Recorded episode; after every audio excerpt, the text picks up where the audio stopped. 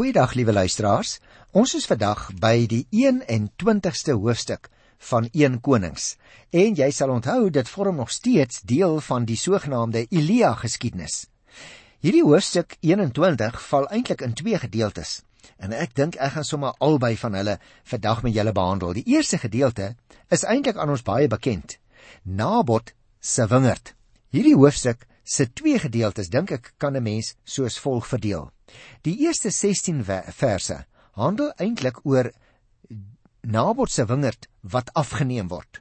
En vers 17 tot 29, die tweede gedeelte wat ek jou gesê het, daarin kondig Elia vir Agab aan dat hy sal sterwe. En daarom wil ek graag die twee gedeeltes uitmekaar hou en ek gaan dit ook so behandel. Jy moet nou oplet as ek die eerste 7 versies lees. Dan sal jy agterkom Agab maak 'n aanbod aan Nabot aan wie die wingerd behoort. En daardie aanbod klink in 'n sekere sin baie billik en aanvaarbaar, maar tog was Nabot natuurlik vry om die aanbod te weier. Hy kon homself op Levitikus 25 daar van die 23ste vers af beroep, veral omdat dit erfgrond was. Hy hoef dit nie te verkoop nie. Agab se reaksie verraai sy swakheid. Hy kan nie self die besluit neem nie en hy reageer baie kinderagtig en word deur sy vrou Isebel, die goddelose vroumens, deur haar word hy gedomeineer. Eintlik is hy nie die koningskap waardig nie, hoor. Maar goed, kom ons lees dan die eerste 7 verse. Dan gesels ons daaroor. Hierna het die volgende gebeur. Nabot, die Jesreeliet, het in Jesreel 'n wingerd gehad langs die paleis van koning Agab van Samaria. Agab het met Nabot gaan praat en vir hom gesê: "Gee jou wingerd vir my vir 'n kruietuin, want dit lê net langs my huis. Dan gee ek jou 'n beter wingerd in die plek daarvan, of as jy wil, sal ek jou daarvoor betaal." Maar Nabot het vir Agab geantwoord: "Mag die Here my daarvan bewaar dat ek die erfgrond van my voorouers ooit aan u sou afstaan." Hierop het Agab bedruk en kwaad huis toe gegaan omdat Nabot die Jesreeliet vir hom gesê het: "Ek sal nooit die erfgrond van my familie aan u afstaan nie." Hy het op sy bed gaan lê met sy gesig na die muur toe en hy wou niks eet nie. Toe kom sy vrou Isebel na hom toe en vra hom: "Wat is jy so bedruk dat jy niks wil eet nie?" Hy vertel haar toe: "Ek het met Nabot die Jesreeliet gepraat en vir hom gesê: "Verkoop jou wingerd aan my of as jy wil, sal ek vir jou 'n ander wingerd gee in die plek daarvan." Maar hy het gesê, ek sal nooit by wingerd aan jou afstaan nie. Toe sê sy vrou Isebel vir hom, maar jy is mos die een wat oor Israel regeer. Gaan eet nou, moet jou nie bekommerd nie. Ek sal die wingerd van Nabot die Jesreeliet vir jou gee. Nou hier gaan die poppe begin dans, maar kom ek gesels eers oor die oor hierdie sewe verse wat ek nou gelees het. Ons moet onthou luisteraars, Jesreel is op die noordwestelike uitloper van Gilboa berg geleë. Dit is nou waar Elia in sy strydgeveg geraak het met die profete van Baal. Die streek het natuurlik sy naam van die stad ontvang. Dit was in die vorm van 'n driehoek en geleë tussen die Gilboa en die Karmelberge. Daar relatief naby die Middellandse See en waarskynlik in ons terme, liewe luisteraars, sal dit nou die gerieflike en die lekker strandhuis gewees het uh vir Agab wat hy daar besit het. Maar langsom is daar 'n buurman en die buurman se naam is Nabot. Nou Agab het waarskynlik ook nog 'n ekstra huis gehad in Jesreel, want onthou, die paleis was eers daar, maar op hierdie stadium is sy vaste woonplek natuurlik die pragtige stad Samaria op Samaria berg.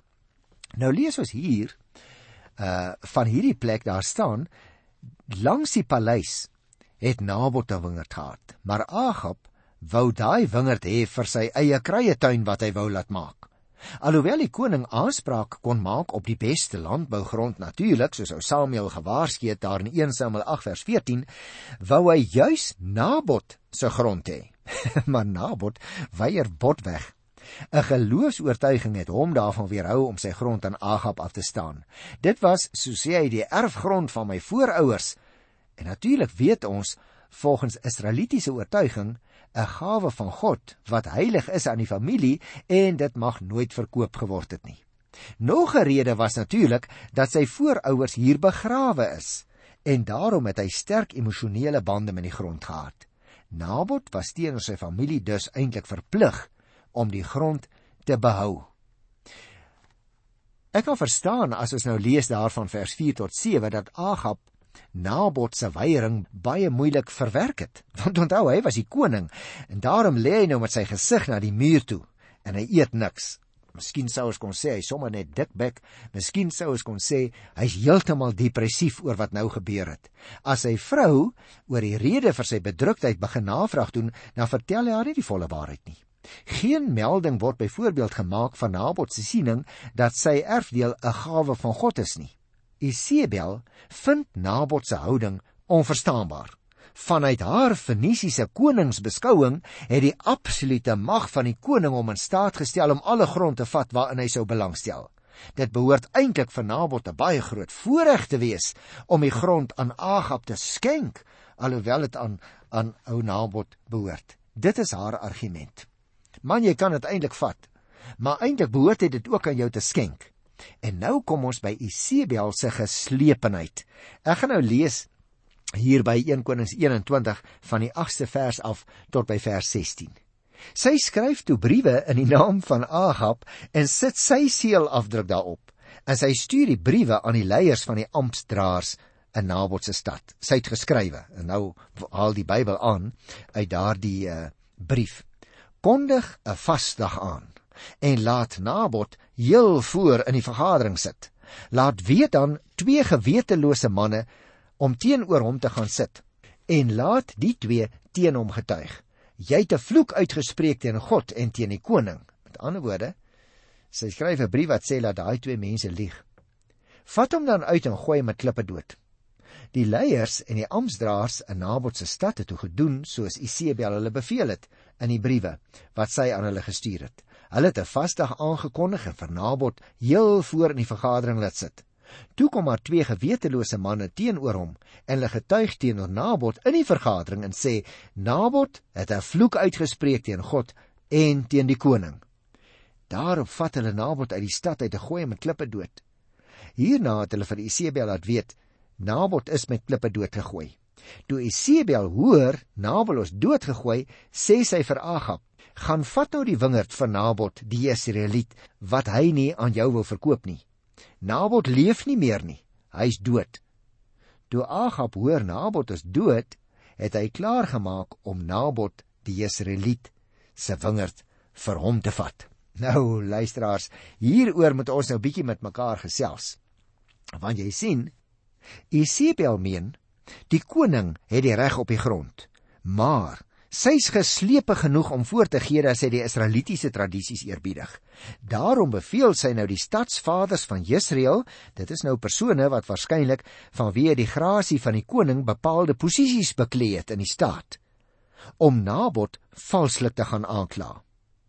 Twee persone, want so word dit voorgeskryf in Deuteronomium 17 vers 6, word nou aangesê om hom valslik van God se lastering te beskuldig.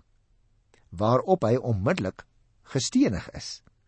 Nou as 'n mens mooi kyk na hierdie verse in detail, luisteraar, dan sou ek sê jy moet oplet sonder die medewete van Agab. Skryf Esewel hierdie briewe in die naam van Agab aan die stadsbestuur en die hoë amptenare van Jesreel. Agab se seël word ook nog daarop afgedruk om natuurlik daarmee uh te illustreer dat dit van die koning afkom. Tussen hakies so seël druk gewoonlik in sagte was, het dieselfde funksie gehad as 'n handtekening in ons tyd. 'n Vasdag moet ons ook onthou hier van die 9de vers af is altyd ten tye van rampe en swaar kry uitgeroep.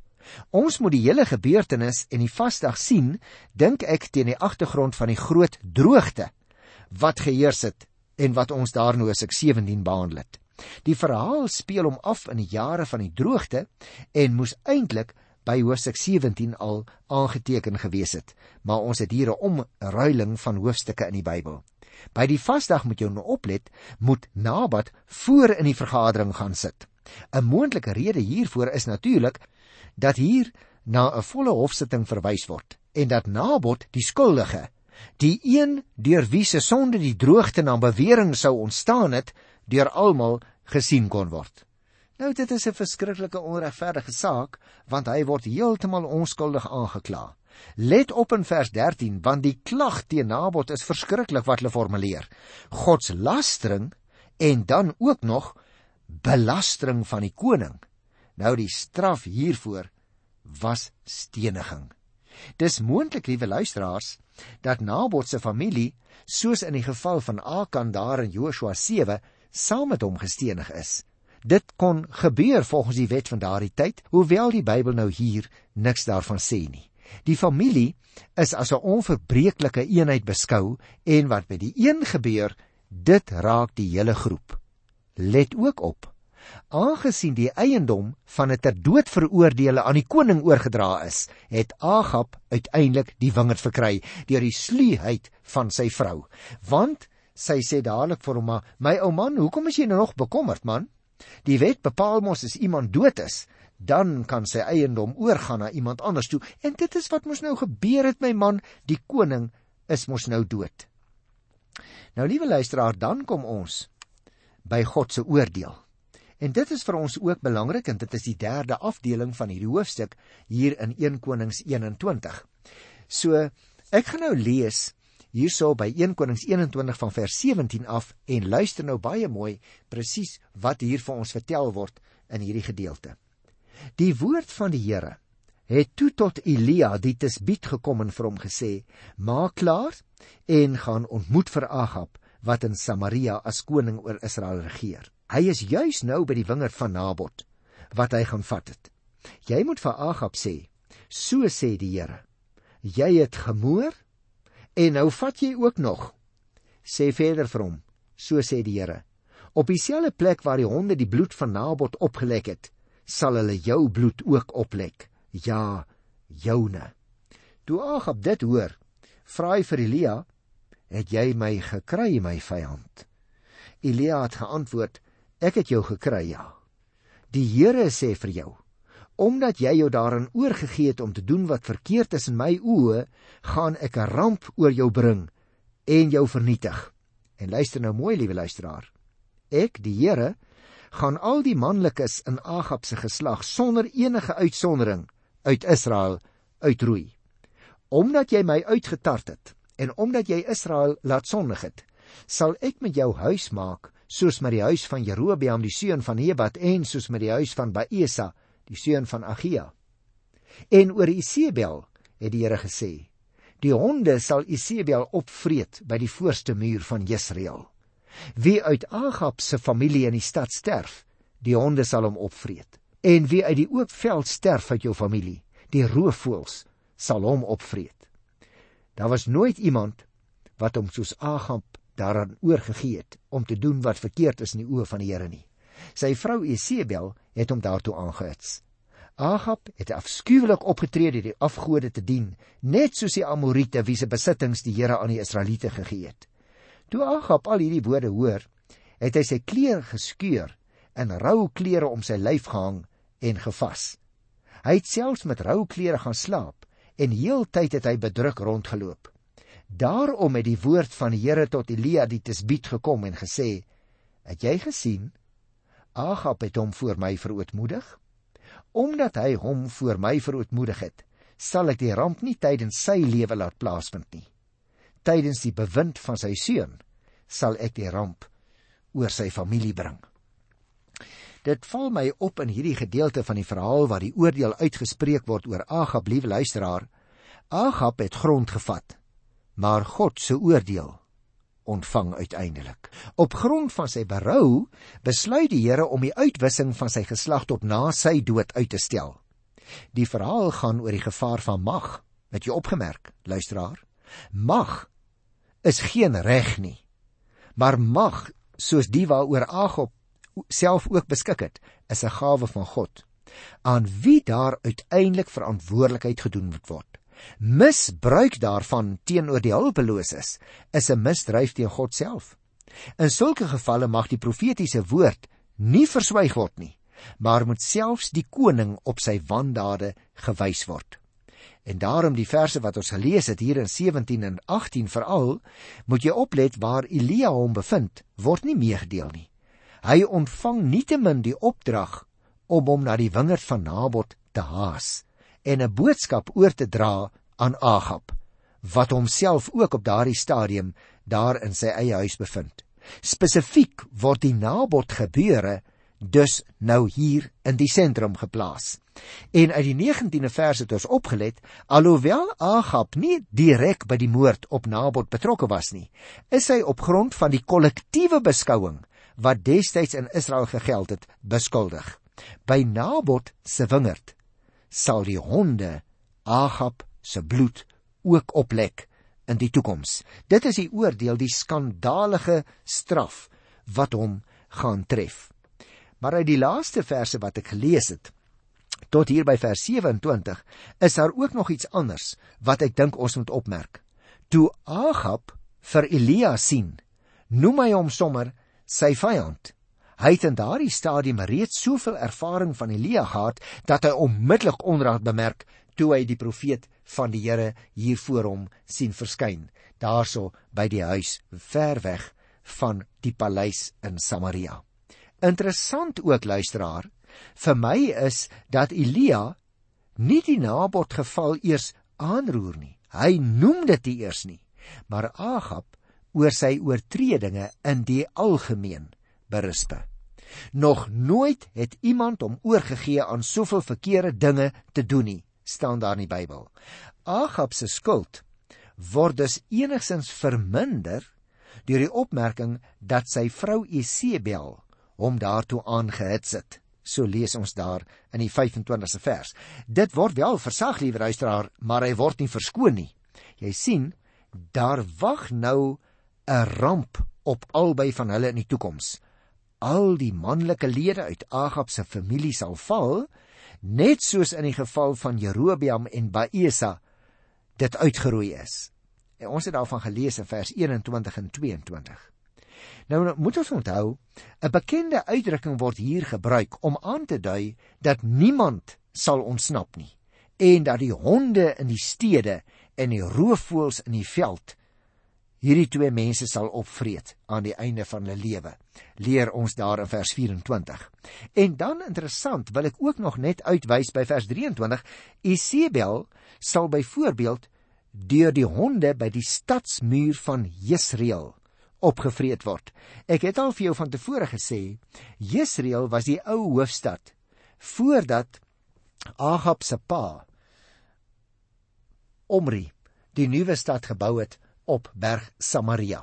So dit was 'n bekende plek, dit was vir hulle 'n historiese plek. Hulle het seker lank met mekaar saam nadat hulle getrou is begin daar as koningspaar in Jesreel. Maar nou word gesê dat juis by daardie plek gaan hulle skande 'n hoogtepunt bereik. Vers 27 tot 29 vertel vir ons baie interessante gegevens. Die koning moet jy oplet, liewe luisteraar. Kom tot inkeer by die aanhoor van die woorde en hy verootmoedig hom voor die Here. Interessant dat ons nie sien dat hy tot geloof in die Here gekom het nie.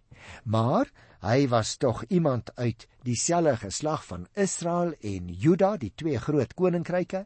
Hy het geweet van die verbond wat bestaan. Hy het geweet waarskynlik wat die Here van hom verwag. Hy het heel waarskynlik ook baie presies geweet wat die Here van 'n koning verwag het. Maar nou dat die profeet van die Here in sy eenvoudige profete kleed voor hom verskyn, nou besef hy hy het verkeerd gedoen en daarom verootmoedig hy hom voor die Here. En daarom is dit nie wonderlik nie. Kyk net hoe reageer die Here. Selfs hierdie ongelowige man wat die Here nooit gedien het in sy lewe waarvan ons lees nie, kry in 'n sekere sin genade in die Here se oë toe die Here vir hom sê die ramp sal ek uitstel tot na jou dood. Ek gaan die ramp wat oor jou nageslag gaan kom, nie in jou tyd voltooi nie. Nou natuurlik moet ons onthou met die dood van koning Joram in die jaar 847 voor Christus is die dinastie van Omri uiteindelik finaal beëindig. Want jy sal onthou, ek het al die woordjie omriede gebruik. Uh ons moet onthou Omri was nou die oupa van uh Joram wat die seun was van koning Ahab en Isebel. Met ander woorde, die Here kom hierdie man tegemoet en hy sê vir hom: "Luister Agab, jy gaan gestraf word. In hierdie mense se tyd gaan die straf oor jou kom en die honde gaan jou opvreet vir jou en jou vrou Jesebel. Maar goed dan, sê die Here, ek sal op jou versoek jou tegemoet kom en ek sal die straf wat ek vir hulle in gedagte het, met ander woorde oor jou nageslag, daardie straf sal ek nie in jou tyd voltrek nie. En liewe luisteraar, ek wil uit hierdie reaksie van die Here se kant af weer eens vir jou uitwys hoe ongelooflik genadig die Here is. Hy kom selfs hierdie man wat nie in hom glo nie. Hierdie man wat selfs die profete van die Here soveel skade aangedoen het. Hy kom selfs hierdie man tegemoet. Nou sou jy vir my kon vra, nou uh broer Johan, is die Here vandag nog so betrokke in die geskiedenis in hierdie wêreld? En ek wil vir jou sê, liewe luisteraar, God is betrokke. As ons na die Bybel kyk en die gebeurtenisse daar, wanneer gebeurtenisse in die Bybel beskryf word, word daar nie altyd gesê watter rol God in daardie gebeurtenisse vertolk nie. Dit geld natuurlik met name in hierdie hoofstuk wat ek sopas vandag met jou behandel het. Dit lyk of dit net gewone menslike intriges is wat in die wêreld plaasvind. Soos wat ons nou gelees het, hoe dat Nabot, die arme Nabot se wingerd sommer gevat word en hoe dat uh daar op die oog af nie onmiddellik iets gebeur nie. Maar hierdie oënskynlik doodgewoon menslike intrigers word voortgedryf deur tipies menslike drange en emosionele planne, ook negatiewe planne soos wat ons in hierdie program vandag gehoor het. Tog blyk dit agterna. En dit het ons ook nou duidelik gesien dat God deur of dalk selfs ten spyte van menslike intriges wel betrokke was in die situasie. Wat beteken dit vir ons vandag? Die belewenis dat dinge elke dag sy gang gaan sonder dat God daarmee gemoeid is, speel hom dag en nag van dag nog af, liewe luisteraar. Dit is juis omdat gelowiges dikwels die mening toegedaan is dat God se betrokkenheid in die wêreld gepaard gaan met abnormale gebeurtenisse. Nee. Nee, dit hoef nie abnormale en buitengewone gebeurtenisse te wees nie, luisteraar. Hoekom moet dit? En dit maak gelowiges dikwels angstig en bekommerd. Tog, tog is die gewone gang van sake die normale manier waarop en waardeur die Here ook optree. Hy werk deur die gewone mense soos jy en ek. Hy werk deur alledaagse gebeurtenisse. Die gelowiges kan gerus wees dat God baie ernstig diep betrokke is in die geskiedenis wat jy en ek elke dag skrywe en dat hy hom nie deur menslike intriges uit die pad laat stoot nie. Daarom luisteraar, ek ken nie jou persoonlike omstandighede nie. Ek weet nie wat jou situasie is nie. Ek weet ook nie wat die dinge is wat jou kwel nie, maar een ding weet ek. Ook by jou is God mos teenwoordig. Die Here Jesus het dit mos beloof. Om die waarheid te sê, Paulus sê in 1 Korinte 3 vers 16 dat die Heilige Gees binne in ons woon.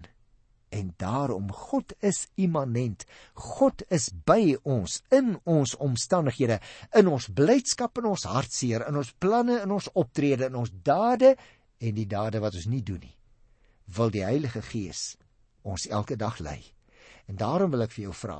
Kyk bietjie met nuwe oë na jou eie situasie en vra vir jouself af, wat wil die Here dalk vir my leer deur hierdie dinge wat op my pad kom? Want Hy stuur nie gebeurtenisse op jou en my pad om ons te vernietig nie, maar dikwels wil hy daardeur met sy sagte hand ons terugroep na ons toe. Mag ek jou vra, is dit nie dalk met jou ook so juis op hierdie stadium nie? Ek groet jou in die naam van die wonderlikste koning wat daar is, Jesus Christus, die Here. Tot volgende keer. Totsiens.